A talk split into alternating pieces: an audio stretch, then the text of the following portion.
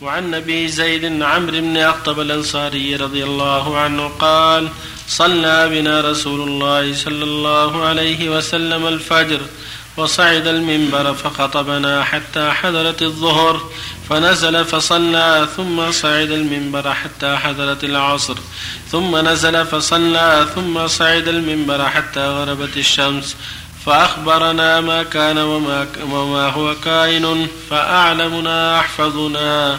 رواه مسلم. وعن عائشة رضي الله عنها قالت قال النبي صلى الله عليه وسلم من نذر أن يطيع الله فليطعه ومن نذر أن يعصي الله فلا يعصه رواه البخاري. وعن أم شريك رضي الله عنها أن رسول الله صلى الله عليه وسلم أمر بقتل الاوزاغ وقال كان ينفخ على إبراهيم متفق عليه. وعن أبي هريرة رضي الله عنه قال قال رسول الله صلى الله عليه وسلم من قتل وزغه في أول ضربة فله كذا وكذا حسنة ومن قتلها في الضربة الثانية فله كذا وكذا حسنة دون الأولى وإن قتلها في الضربة الثالثة فله كذا وكذا حسنة. وفي رواية من قتل وزغا في أول ضربة كتب له مئة حسنة. وفي الثانية دون ذلك وفي الثالثة دون ذلك. رواه مسلم. بالله التوفيق. بسم الله الرحمن الرحيم الحمد لله وصلى الله وعلى اله وأصحابه ومن اهتدى بهداه أما بعد هذه الأحاديث أيضا في منثورات مما جاء النبي عليه الصلاة والسلام مما يتعلق بمصلحة الأمة ومنفعتها.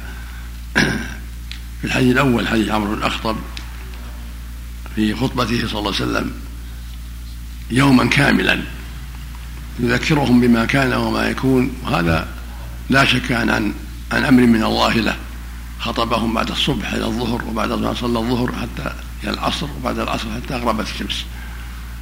يذكرهم بما كان وما يكون. فيعلمنا أحفظنا. وهذا يدل على أنه صلى الله عليه وسلم في بعض الأحيان قد يطيل الخطبة لأمر عارض. وإلا فالغالب عليه صلى الله عليه وسلم عدم عدم التطويل والإيجاز في الخطب كما قال عمار رضي الله عنه. عن النبي صلى الله عليه وسلم قال إن طول صلاة الرجل وقصر خطبته مئنه من فقه فاطلوا الصلاة واقصروا الخطبة لأن تخفيفها وتقليلها أقرب إلى حفظ الناس لها وتأثرهم بها. ولكن متى دعت الحاجة إلى الإطالة لأسباب عارضة فإنها تطال حسب الأسباب المقتضية لإطالتها. وفي هذا الحديث أنه خطبهم صلى الله عليه وسلم بعد الصبح حتى الظهر ثم نزل فصلى الظهر ثم خطبهم حتى العصر ثم نزل فصلى العصر ثم خطبهم حتى الغروب. لعظم الأمر. ولا شك أن ذلك عن أمر من الله له حتى يبلغ الناس المهمات التي ينبغي يعرفوها عما كان وما يكون. والحديث الثاني والثالث الأمر بقتل الأوزاغ. وانه ينبغي قتلها لأنها خبيثة وهي ممن كان ينفخ ضد إبراهيم عليه الصلاة والسلام. لما لما القي في النار. والوزاغ هي الضواطير يسمى الضاطور الوزاغ. فالسنة قتله. أينما وجد. كما تقتل الفواشق الخمس الحداة والعقرب والفأرة والكلب العقور والحية. هذه الأوزاع كذلك تقتل لخبثها. متى وجدت؟ في حديث آخر؟ في حديث آخر؟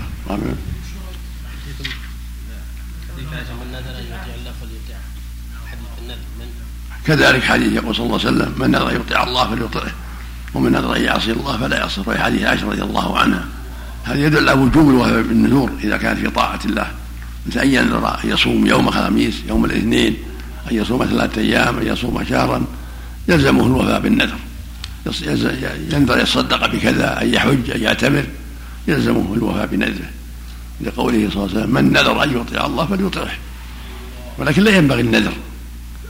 قال لا تنذروا فإن النذر لا يرد من قدر الله شيئا وإنما يستخرج به من البخيل. ولأن الإنسان قد يندم وقد يتعب فلا ينبغي له النذر. لكن متى نذر طاعة وجب عليه الوفاء؟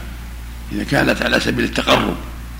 أما إذا كان على سبيل الجزاء والامتناع من شيء فهذا كفارة يمين.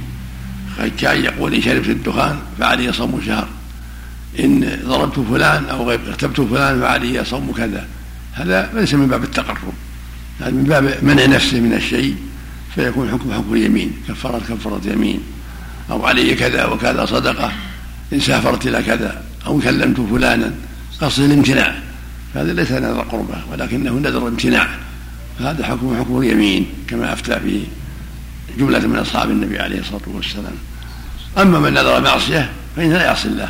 كان يقول لله عليه أن يفطر في رمضان أو لله عليه أن يشرب الخمر أو الدخان أو لله عليه أن يضرب والده أو يقتل فلانا. هذه نذر معاصي ليس له الوفاء ولكن عليه كفارة يمين ولا يجوز له الوفاء بمعصية. المعصية ما كان معصية ليس له وفاء به ولا يجوز له الوفاء به لكن يكفر عن ذلك كفارة يمين ويستغفر الله ويتوب إليه. نسأل الله العافية. الله يحسن عملك. يكون حكم النذر ابتداء مكروه. نعم. النبي قال لا تنذروا فإن النذر يرد من قدر الله شيئا. نعم. اللهم صل الله عليك. حديث الوزغ ألا يدل على أن الحيوانات لها قصد خير وشر؟ هذا هذا ورد في الوزغ هذا. والله ألهمها أشياء سبحانه وتعالى لكنها غير مكلفة. لكن بعضها شرير أمر الله أمر الله بقتله. بعضها شرير كما يقتل الكلب العقور كما يقتل الحج تقتل الحية والأقرب ونحو ذلك لما فيها من الخبث والشر والأذى. أحسن الله عملك يا شيخ. ما إنه يقول غير مكلفة نعم. أحسن الله عملك ما إنه يقول أنه ضربة باليد آه، أكثر أجر من ضربة مثلا بحذاء أو كذا؟ لا ما الحاصل لا ما الحاصل المقصود ضربه بما يقتله بس بعصا أو غيرها الناس يقول الحيوانات ما لها عقل يا شيخ. لها عقل يليق بها لها عقول تليق بها. العقل البهيمي تليق به يعقل يشرب يشرب به يأكل ويسافد وهكذا. بالنسبة للأجر أحسن الله عملك في الضربة الثانية. مثل ما قال النبي صلى الله عليه وسلم الضربة الأفضل والثانية دونها والثلاثة دونها. ما ورد سبعين والمقصود من هذا الحث على العناية بالضرب هذا المقصود. ما ورد أحسن الله عملك سبعين وخمسين. ما ما ما, ما يأخذ إلا ثلاث أحسن الله عملك أحيانا في مثلا في أثناء الخطبة يكون هناك صغار السن آه، في الوراء في الخلف يعني. فهل مثلا إذا صار مثلا آه، شوشوا على الناس هل مثلا مثلا هل ينبههم أحد أو مسؤولية الإمام؟ يشير لهم يشير لهم اللي حوله. يشير لهم بالتسكيت اشاره هل مثلا للامام أن مثلا يكلف أحد إنه مثلا ينظر لهم؟ لا الامام لا يكلم لا يقول سكتوهم ما في بس. أحسن الله الإمام لا يتكلم في المصلحة. الخطيب الخطيب نفسه. كما تكلم النبي في بعض الخطب. صلى الله عليه وسلم. الخطبه أحسن الله عملك. طريق الورقة أفضل أم عن طريق القاء بعد هدي صلى الله عليه وسلم حسب التيسير حسب اللي, اللي يقدر عن ظهر قلب أحسن واللي ما يقدر يكتبها. عن ظهر قلب اولى اجمع القلوب وأحسن. وإذا ما تيسر يكتبها ويلقيها من كتابه. كثيرا من الناس يدخل يوم الجمعة والإمام يخطب ولا يصلون تحية المسجد. هل للامام أن ينكر؟ لا السنة يصلون. من دخل والإمام يخطب يصلي الراتبة يصلي التحية. والامام له ينبههم عليه ينبههم ولهذا لما رأى رجل دخل ولم ولم يصلي التحية قال قم فصلي ركعتين وهو في الخطبة عليه الصلاة والسلام. لكن احسن الله عملكم كثر هل ينبه كل واحد يدخل؟ لا ينبه ينبه العموم يعرفون إن شاء الله. ويراهم على المنبر أحسن إيه. لكن هل ينبه يقول من دخل فليصلي ركعتين من دخل المسجد فليصلي ركعتين ولو كان الامام يخطب ينبههم أحسن الله إليكم يا حتى يبلغ أمر الله. أحسن الله إليكم يا شيخ هل يجوز الوكالة في المشايخ مثلا لتوزيع الكتب مثلا أو توزيع الأشرطة. مثلا واحد يوزع كتب الشيخ فلان أو الشيخ فلان أو الشيخ ما في فلان. التوكيل له التوكيل فيما أباح الله جائز أقول التوكيل فيما أباح الله كتب غير التوكيل الكتب وتوزيع الدراهم توزيع الدراهم اي ولكن يمنع توزيع يمنع الالبسه ولكن توزيع الطعام. ولكن يمنع غير يعني يمنع واحد الثاني حسب ما. وكل حسب الوكاله يعمل بالوكاله إذا قيل لا يعطي عبد الرحيم لا يعطي, عبد الحكيم لا يعطي عبد الحكيم؟ جزاكم الله خير احسن الله. في أمان الله شيخ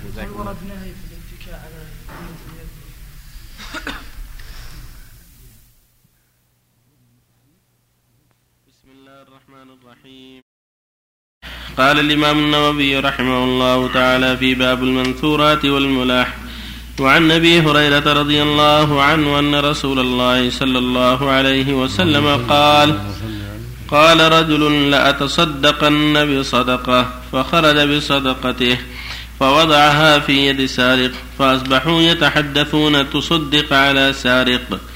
فقال اللهم لك الحمد لا تصدقن بصدقة فخرج بصدقته فوضعها في يد زانية فأصبحوا يتحدثون تصدق الليلة على زانية. فقال اللهم لك الحمد على زانية. لا تصدقن بصدقة فخرج بصدقته فوضعها في يد غني فأصبحوا يتحدثون تصدق على غني فقال اللهم لك الحمد على سارق وعلى زانية وعلى غني فأتي فقيل له أما صدقتك على سارق فلعله أن يستعف عن سرقته وأما الزانية فلعلها تستعف عن زناها وأما الغني فلعله أن يعتبر لعله أن يعتبر فينفق مما آتاه الله. رواه البخاري بلفظه ومسلم بمعناه. وعنه رضي الله عنه قال كنا مع رسول الله صلى الله عليه وسلم في دعوة فرفع إليه الذراع. وكانت تعجبه فنهس منها نهسة وقال أنا سيد الناس يوم القيامة هل تدرون مما ذاك؟ يجمع الله الأولين والآخرين في صعيد واحد فيبصرهم الناظر ويسمعهم الداعي وتدنو منهم الشمس فيبلغ الناس من الغم والكرب ما لا يطيقون ولا يحتملون. فيقول الناس ألا ترون إلى ما أنتم فيه إلى ما بلغكم ألا تنظرون من يشفع لكم إلى ربكم فيقول بعض الناس لبعض أبوكم آدم وعن أبي هريرة رضي الله عنه قال كنا مع رسول الله صلى الله عليه وسلم في دعوة فرفع إليه الذراع وكانت تعجبه فنهس منها نهسة وقال أنا سيد الناس يوم القيامة. هل تدرون مما ذاك؟ يجمع الله الأولين والآخرين في صعيد واحد فيبصرهم الناظر ويسمعهم الداعي. يبصرهم الناظر كذا؟ الناظر. ناظر. نعم. فيبصرهم الناظر. ويسمعهم الداعي وتدنو منهم الشمس فيبلغ الناس من الغم والكرب ما لا يطيقون ولا يحتملون فيقول الناس ولا ترون إلى ما أنتم فيه إلى ما بلغكم ألا تنظرون من يشفع لكم إلى ربكم فيقول بعض الناس لبعض أبوكم آدم ويأتونه فيقولون يا آدم أنت أبو البشر خلقك الله بيده ونفخ فيك من روحه وأمر الملائكة فسجدوا لك وأسكنك الجنة. ألا تشفع لنا إلى ربك؟ ألا ترى ما نحن فيه وما بلغنا؟ فقال بلغنا. ألا ترى ما نحن فيه وما بلغنا؟ فقال إن ربي غضب غضب غضبا لم يغضب قبله مثله ولا يغضب بعده مثله وإنه نهاني عن الشجرة. فعصيت نفسي نفسي نفسي. اذهبوا إلى غيري اذهبوا إلى نوح. فيأتون نوحا فيقولون يا نوح أنت أول الرسل إلى أهل الأرض. وقد سماك الله عبدا شكورا. ألا ترى إلى ما نحن فيه؟ ألا ترى إلى ما بلغنا؟ ألا تشفع لنا إلى ربك؟ فيقول إن ربي غضب اليوم غضبا غضبا لم يغضب قبله مثله ولن يغضب بعده مثله وإنه قد كانت لي دعوة دعوت بها على قومي. نفسي نفسي نفسي اذهبوا إلى غيري اذهبوا إلى إبراهيم. فيأتون إبراهيم فيقولون يا إبراهيم أنت نبي الله وخليله من أهل الأرض. اشفع لنا إلى ربك ألا ترى إلى ما نحن فيه؟ فيقول لهم إن ربي قد غضب اليوم غضبا لم يغضب قبله مثله ولن يغضب بعده مثله وإني كنت كذبت ثلاث كذبات. نفسي نفسي نفسي اذهبوا إلى غيري اذهبوا إلى موسى فيأتون موسى فيقولون يا موسى أنت رسول الله فضلك الله برسالاته وبكلامه على الناس. اشفع لنا إلى ربك ألا ترى إلى ما نحن فيه؟ فيقول إن ربي قد غضب اليوم غضبا لم يغضب قبله مثله ولم ولن يغضب بعده مثله وإني قد قتلت نفسا لم أؤمر بقتلها. نفسي نفسي نفسي. اذهبوا إلى غيري اذهبوا إلى عيسى. فيأتون عيسى فيقولون يا عيسى أنت رسول الله. وكلمته ألقاها إلى مريم وروحا منه. وكلمت الناس في المهد. اشفع لنا إلى ربك ألا ترى إلى ما نحن فيه؟ فيقول عيسى إن ربي قد غضب اليوم غضبا لم يغضب قبله مثله ولن يغضب بعده مثله ولم يذكر ذنبا. فنفسي نفسي نفسي اذهبوا إلى غيري اذهبوا إلى محمد صلى الله عليه وسلم.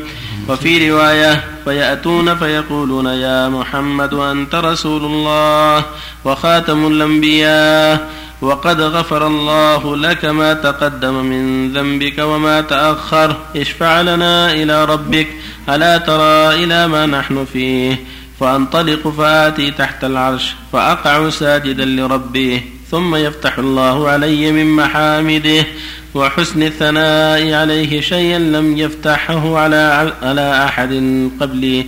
ثم يقال يا محمد ارفع رأسك سل تعطه واشفع تشفع فأرفع رأسي فأقول أمتي يا رب أمتي يا رب. فيقال يا محمد ادخل من أمتك من لا حساب عليهم من الباب الأيمن من أبواب الجنة وهم شركاء الناس فيما سوى ذلك من الأبواب. ثم قال والذي نفسي بيده إنما بين المصراعين من مصاريع الجنة كما بين مكة وهجر أو كما بين مكة وبصرى. متفق عليه. وبالله التوفيق.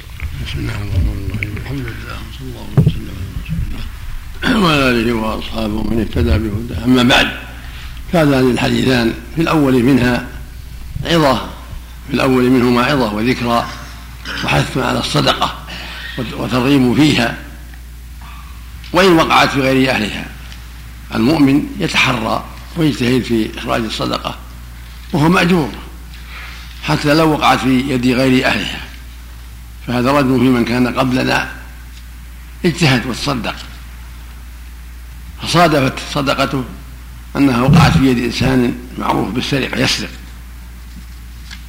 فتحدث الناس تحدث اليوم على سارق فقال له لما بلغه ذلك الحمد لله على سارق ثم قال لأصدقن. فخرج بصدقته ووقعت في يد زانية.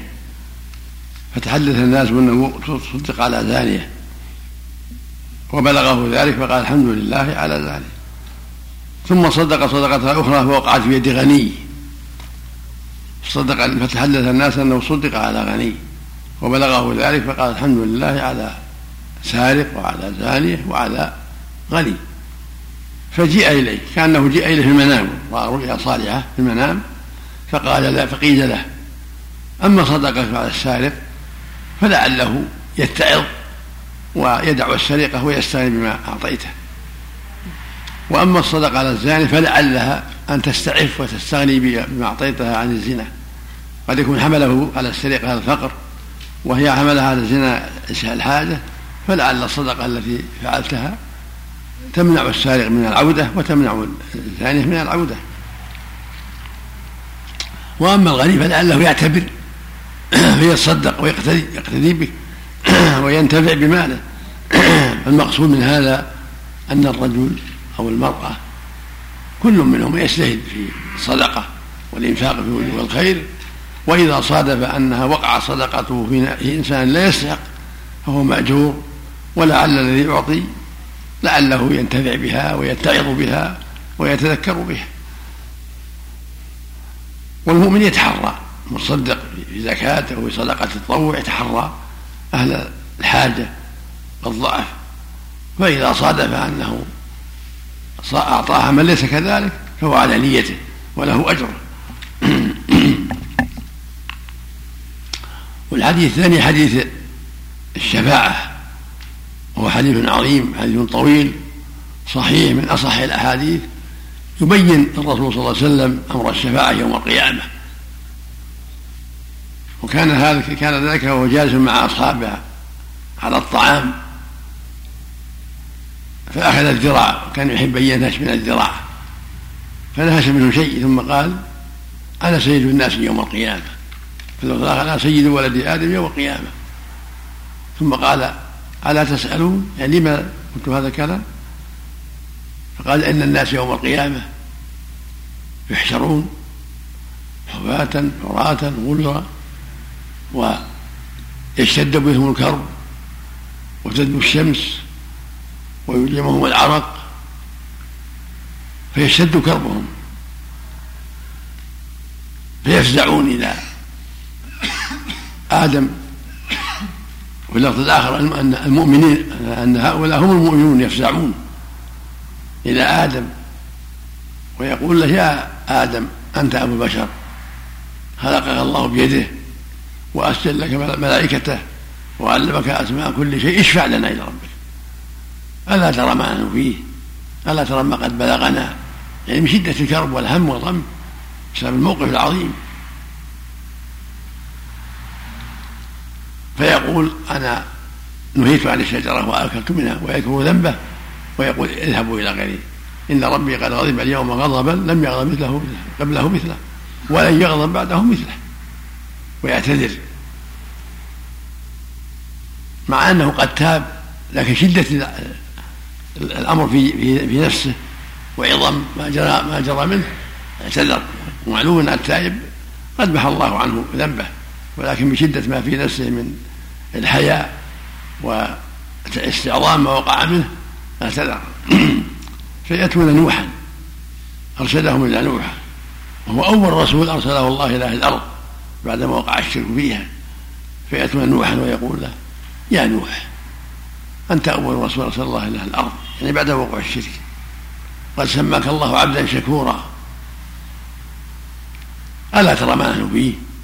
ألا ترى ما قد بلغ يعني من الهم والغم والشدة؟ فيقول لهم نوح عليه الصلاة والسلام إن ربي قد غضب اليوم غضبا لم يغضب قبله مثله ولن يغضب بعده مثله وإني دعوت على قوم دعوة حين قال لا تذر الأرض من الكافرين ديارا وإني لا لا أشفع اذهبوا إلى غيري اذهبوا إلى إبراهيم. فيأتون إبراهيم الخليل عليه الصلاة والسلام ويقول له مثل ما قالوا لآدم ولنوح ويقول أنت خليل الله اشفع لنا ألا ترى ما نحن فيه ألا ترى ما قد بلغنا؟ فيجيبه مثل ما أجابهم آدم ونوح. إن ربي غضب اليوم غضبا لم يغضب قبله مثله ولن يغضب بعده مثله. وقد كذبت ثلاث كذبات. استعظمها وهي في ذات الله. استعظمها وهي في ذات الله. لا حرج عليه فيها لكن استعظمها. حين قال في الأصنام فعله كبيرهم. حين قال لما مروا عليهم ذهبوا إلى أصنامهم. وعيدهم إني سقيم. وحين قال للملك الجبار في سارة إنها أختي يعني أختي في الله. اذهبوا إلى غيري. اذهبوا إلى موسى. فيأتون موسى عليه عليه الصلاة ويقول له أنت كليم الله. أنزل الله عليك التوراة اشفع لنا إلى ربك. فيجيبهم مثل ما أجابهم آدم ونوح وإبراهيم. إن ربي غضب غضبا لم يغضب قبله مثله ولا يغضب بعده مثله. وقد قتلت نفسا لم أمر بقتلها اذهبوا إلى غيره. اذهبوا إلى عيسى. فيأتون عيسى عليه الصلاة والسلام فيقول لهم مثل ما قال الأولون. إن ربي غضب غضبا لم يغضب قبله مثله ولا يغضب بعده مثله ولم يذكر ذنبه. ما ذكر اني فعلت كذا وكذا؟ اذهبوا إلى محمد. عبد غفر الله له ما تقدم من ذنبه وما تأخر. فيأتون محمد عليه الصلاة والسلام فيقول أنا لها كما في الرواية الأخرى أنا لها. فيذهب ويسجد بين يدي ربه تحت العرش ويحمد الله بمحامد يفتحها عليه سبحانه وتعالى. ثم يقال يا محمد ارفع رأسك وقل يسمع واسأل تعطى واشفع تشفع. فيرفع رأسه ويشفع في أهل الموقف حتى يقضى بينهم وفي أمته حتى يدخلوا الجنة. وهذه الشفاعة العظمى. في أهل الموقف هذه الشفاعة العظمى. وهي المقام المحمود الذي قال فيه جل وعلا عسى أن يبعث ربك مقاما محمودا ويشفع فيها الجنة في دخولهم الجنة. وله شفاعة أخرى عليه الصلاة والسلام. وهذا المقام مقام عظيم. يوجب للمؤمن أن يتذكر هذا المقام وأن يحرص على فعل ما أوجب الله عليه وما شرع الله له وأن يحذر ما حرم الله عليه. فإنه يوم عظيم. إنما ينجي, فيه ينجي, ينجي الله فيه الأعمال بعباداتهم وأعمالهم الصالحة. كل يؤخذ بذنبه. وهذا اليوم يوم عظيم. ونضع الموازين القسط يوم القيامة. فلا تظلم نفس شيئا. وإن كان مثقال حبة من خردل أتينا بها وكفى بنا حاسبين. فمن يعمل مثقال ذرة خيرا يره ومن يعمل مثقال ذرة شرا يره يوم عظيم الأهوال فالواجب على أصحاب العقول السليمة على المكلف من الجن والإنس من الرجال والنساء الواجب إعداد العدة.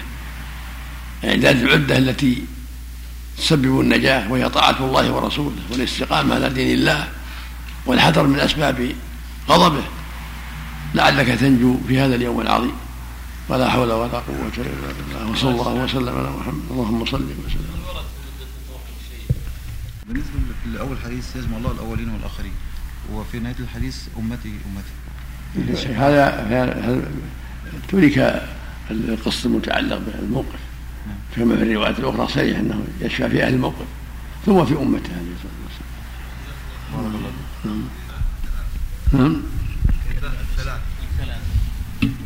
نعم.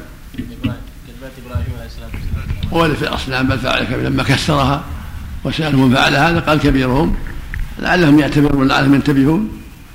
كبيرهم جمال يمشي ما هو ما عنده خبر. ولهذا انتبهوا وأعدوا له النار فأنجاه الله من شرهم.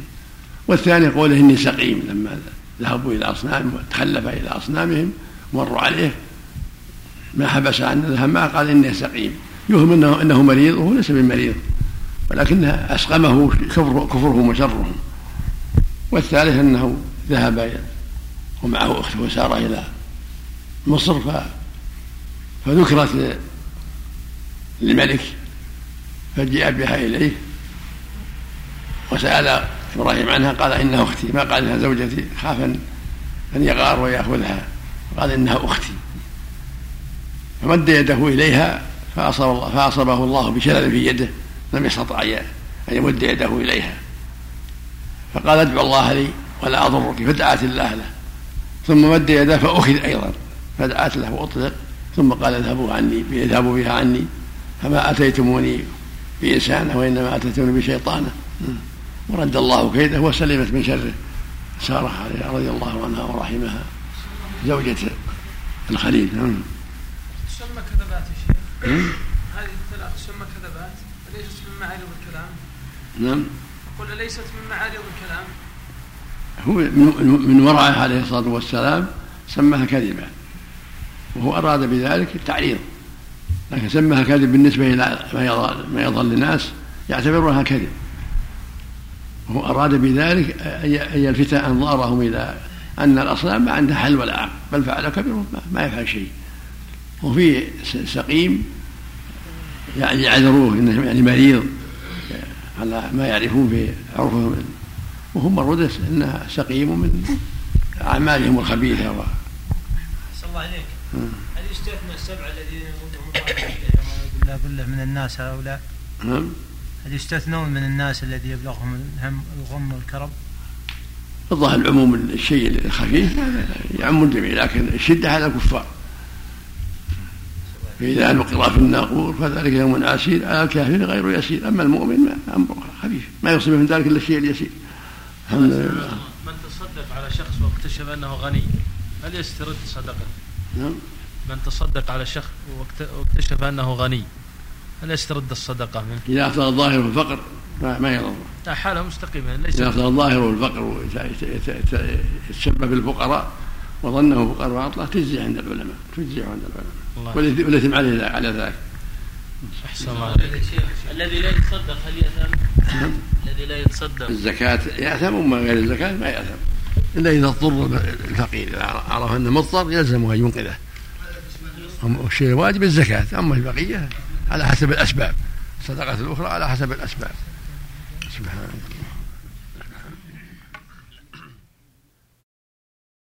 قال الإمام النووي رحمه الله تعالى في باب المنثورات والملاح وعن, وعن ابن عباس رضي الله عنهما قال جاء إبراهيم صلى الله عليه وسلم بأم إسماعيل وبابنها إسماعيل وهي ترضعه حتى ودعها عند البيت عند دوحة فوق زمزم في على المسجد وليس بمكة يومئذ أحد وليس بها ماء. فوضعهما هنا هناك. ووضع عندهما جرابا فيه تمر وسقان فيه ماء ثم قفى إبراهيم منطلقا. فتبعت أم إسماعيل فقالت يا إبراهيم أين تذهب وتتركنا بهذا الوادي الذي ليس فيه أنيس ولا شيء؟ فقالت له ذلك مرارا وجعل لا يلتفت إليها. قالت له آه الله أمرك بهذا؟ قال نعم. قالت إذا لا يضيعنا. ثم رجعت فانطلق إبراهيم صلى الله عليه وسلم حتى إذا كان عند الثنية حيث لا يرونه. استقبل بوجهه البيت ثم دعا بهؤلاء الدعوات فرفع يديه فقال رب إني أسكنت من ذريتي بواد غير ذي زرع.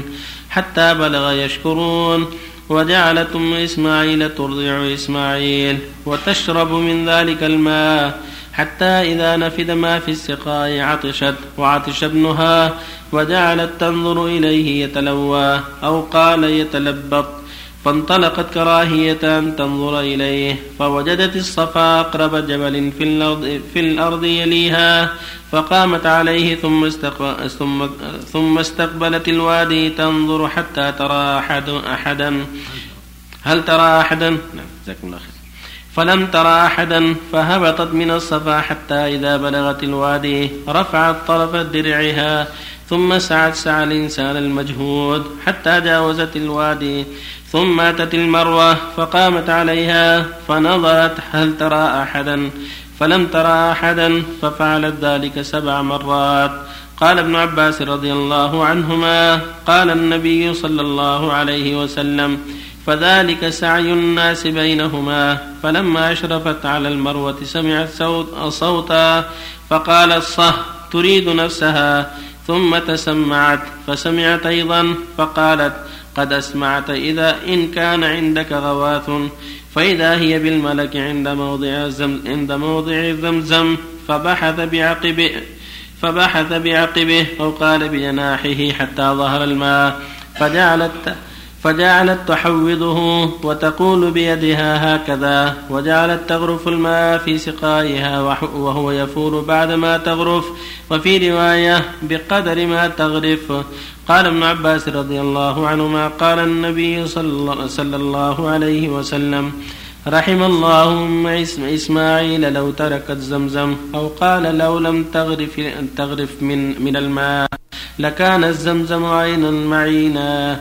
قال فشربت وأرضعت ولدها فقال لها الملك لا تخاف الضيعة فإنها هنا بيتا لله يبنيه هذا الغلام وأبوه وإن الله لا يضيع أهله وكان البيت مرتفعا من الأرض كالرابية تأتيه السيول فتأخذ عن يمينه وعن شماله فكانت كذلك حتى مرت بهم رفقة من جرهم أو أهل بيت من جرهم مقبلين من طريق كذا.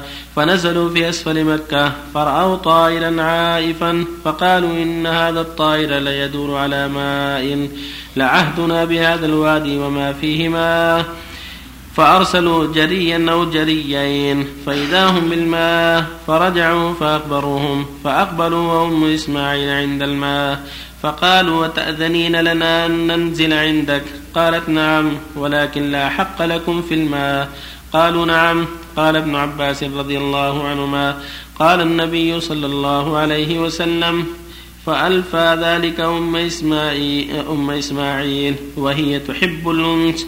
فنزلوا فأرسلوا إلى أهليهم فنزلوا معهم حتى إذا كانوا بها أهل أبيات وشب الغلام وتعلم العربية منهم وأنفسهم وأعجبهم حين شب.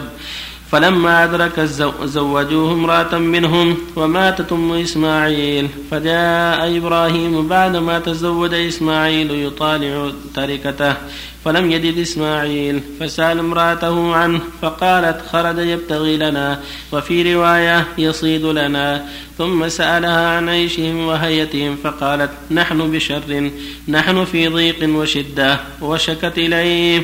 قال فإذا جاء زوجك اقرأي عليه السلام وقولي له يغير عتبة بابه فلما جاء إسماعيل كأنه آنس شيئا فقال هل جاءكم من أحد؟ قالت نعم جاءنا شيخ كذا وكذا. فسألنا عنك فأخبرته فسألني كيف عيشنا فأخبرته وأنا في جهد وشدة. قال فهل أوصاك بشيء؟ قالت نعم أمرني أن أقرأ عليك السلام. ويقول غير عتبة بابك.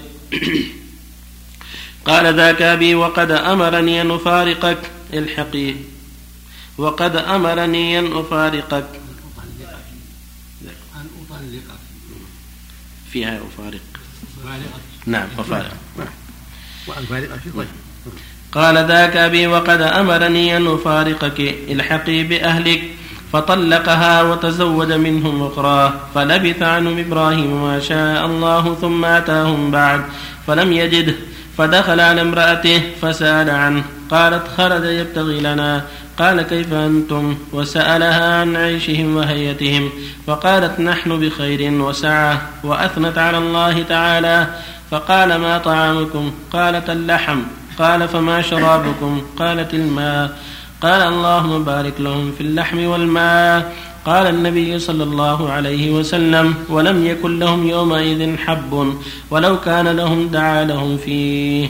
قال فهما لا يخلو عليهما أحد بغير مكة إلا لم يوافقاه وفي رواية فجاء فقال أين إسماعيل؟ فقالت امرأته ذهب يصيد.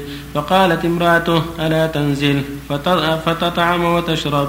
قال وما طعامكم وما شرابكم؟ قال طعامنا اللحم وشرابنا الماء. قال اللهم بارك لهم في طعامهم وشرابهم. قال فقال أبو القاسم صلى الله عليه وسلم بركة دعوة إبراهيم صلى الله عليه وسلم. قال فإذا جاء زوجك فاقرئي عليه السلام ومر به. يثبت عتبة بابه. فلما جاء إسماعيل قال هل أتاكم من أحد؟ قالت نعم أتانا شيخ حسن الهيئة و وأثنت عليه فسألني عنك. فأخبرته فسألني كيف عيشنا؟ فأخبرته أنا بخير. قال فأوصاك بشيء؟ قالت نعم يقرأ عليك السلام ويأمرك أن تثبت عتبة بابك. قال ذاك أبيه وأنت العتبة أمرني أن أمسكك. ثم لبث عنهم ما شاء الله ثم جاء بعد ذلك وإسماعيل يب وإسماعيل يبري نبلا له تحت دوحة قريبا من زمزم فلما رآه قام إليه فصنع كما يصنع الوالد بالولد والولد بالوالد. قال يا إسماعيل إن الله أمرني بأمر. قال فاصنع ما أمرك ربك. قال وتعينني. قال وأعينك وأعينك قال فإن الله أمرني أن أبني بيتا ها هنا وأشار إلى أكمة إلى أكمة إلى أكمة مرتفعة على ما حولها فعند ذلك رفع القواعد من البيت فجعل إسماعيل يأتي بالحجارة وإبراهيم يبني حتى إذا ارتفع البناء جاء بالحجر فوضعه له. فوضعه له فقام عليه وهو يبني وإسماعيل ينابله الحجارة وهما يقولان ربنا تقبل منا إنك أنت السميع العليم. وفي رواية إن إبراهيم خرج بإسماعيل وأم إسماعيل وأم إسماعيل معهم شنة فيها ماء فجعلت أم إسماعيل تشرب من الشنة فيدر لبنها على صبيها حتى قدم مكة. فوضعها تحت دوحة ثم رجع إبراهيم إلى أهله فاتبعتهم إسماعيل حتى لما بلغوا كداء نادت نادته من ورائه يا إبراهيم إلى من تتركنا؟ قال إلى الله. قالت رضيت بالله. فرجعت وجعلت تشرب من الشنة ويدر ويدر لبن ويدر لبنها على صبيها حتى لما فني الماء قالت لو ذهب لو ذهبت فنظرت لعلي أحس أحدا. قال فذهبت فصعدت الصفا. فنظرت ونظرت هل تحس أحدا. فلم تحس أحدا. فلم تحس أحدا. فلما بلغت الوادي سعت واتت المروة وفعلت ذلك أشواطا. ثم قالت لو ذهبت فنظرت ما فعل الصبي. فذهبت ونظرت فإذا هو على حاله كأنه ينشغل الموت. كأنه ينشغل الموت فلما تقرها فلما تقرها نفسها فقالت لو ذهبت فنظرت لعلي أحس أحدا. فذهبت فصعدت الصفا ونظرت ونظرت فلم تحس أحدا حتى تمت سبعة ثم قالت لو ذهبت فنظرت ما فعل. فإذا هي بصوت فقالت أغث إن كان عندك خير. وإذا جبريل صلى الله عليه وسلم فقال بعقبه هكذا وغمز بعقبه على الأرض فانبثق الماء فدهشت أم إسماعيل فجعلت تحفن وذكر الحديث بطوله. رواه البخاري بهذه الروايات كلها. وعن سعيد بن زيد رضي الله عنه قال سمعت رسول الله صلى الله عليه وسلم يقول الكمة من المن وماؤها شفاء للعين. متفق عليه.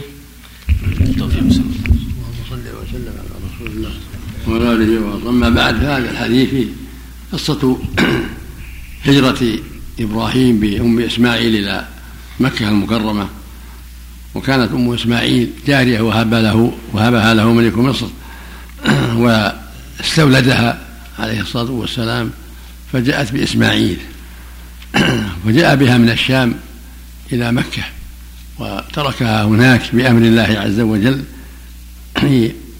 حول حول محل الكعبه ومعها ابنها صغير إسماعيل. وكان وضع معها جرابا فيه تمر وسقاء فيه ماء. بأمر الله عز وجل. ثم ولى فسألته كيف تتركونها هنا؟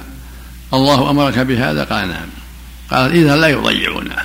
يعني ما دام أمرك سبحانه فإنه لا يضيع عباده وأولياءه. فعند ذلك جلست مع ابنها تشرب من الماء وتأكل من التمر. فلما نفذ الماء ذهبت تنظر لعلها تجد أحدا من الناس يسعفها. صعدت الصفا وصعدت المروة سبع مرات تلتمس. لعلها تجد أحدا حتى سمعت صوتا. فقال إن كان عندك هواء فهو صوت جبرائيل عليه الصلاة والسلام. فجاء فحفر بعقبه محل زمزم فجاء الماء وجعلت تحت تحمل تحمل الماء في سقائها وزال عنها الخوف والشدة. وأخبرها جبرائيل أن هذا المحل سيبني في هذا الغلام وأبوه بيتا لله عز وجل يعني الكعبة. وبشرها بهذا الخبر العظيم. في هذا المحل تشرب من الماء ماء زمزم حتى جاء وفد جماعة من جرهم من البادية. فرأوا طائرا عائفا يدور حول محل الماء فقالوا هذا طائر رأى ماء. وما عهدنا بهذا بهذا الوادي فيه ماء فأرسلوا لهم جريا أو جريين رسولا أو رسولين لينظر. فجاء ووجد الماء. فرجع إليهم وأخبرهم فجاءوا ونزلوا عندها واستأذنوها فقال لا بأس. وهي تحب الأنس تفرح بأن ينزل عندها أحد. ولكن لا حق لكم الماء يعني لستم أحق بالماء يعني لكم الفضل. فقالوا نعم.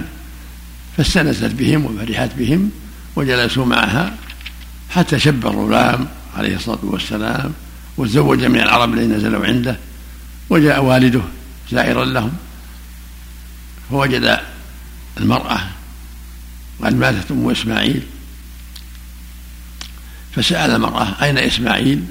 فقالت إنه ذهب يصيد وسألها عن حالهم فقالت إن في شدة وحاجة وضرورة. فقال إذا جاء إسماعيل فأخبريه وإن عتبة بابه. فلما جاء إسماعيل أخبرته الرجل وقال ذاك أبي وقد أمرني أن أفارقك ثم عاد إليهم. ثم تزوج إسماعيل من زوجته الأخرى وعاد إليهم إبراهيم. ووجد المرأة فسألها عن حالهم فذكرت خيرا وأثنت خيرا وطلب منه الجلوس وأن يأكل ويشرب. فجلس وسألها عن إسماعيل فقالت إنه ذهب يصيد فقال أخبريه إذا جاء. أقرئيه السلام وخبريه وثبت عتبة بابه.